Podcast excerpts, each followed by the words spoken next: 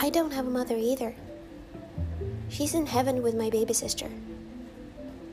But that doesn't mean I can't talk to her. I talk to her all the time.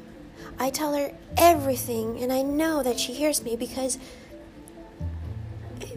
because that's what angels do. My mom is an angel, and yours is too.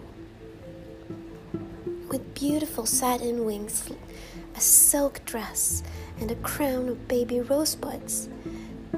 And they all live together in a castle. And you do know what it's made out of sunflowers. Hundreds of them, so bright they shine like the sun. And when they want to go anywhere, they just whistle like this.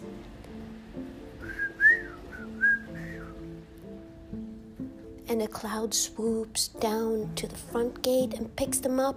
And as they ride through the air, over the moon, and through the stars until they're hovering right above us, that's how they can look down and make sure that we're all right. And sometimes they even send messages. Of course, you you can't hear them with all the noise you were making don't worry. They will always try again, just in case you miss them.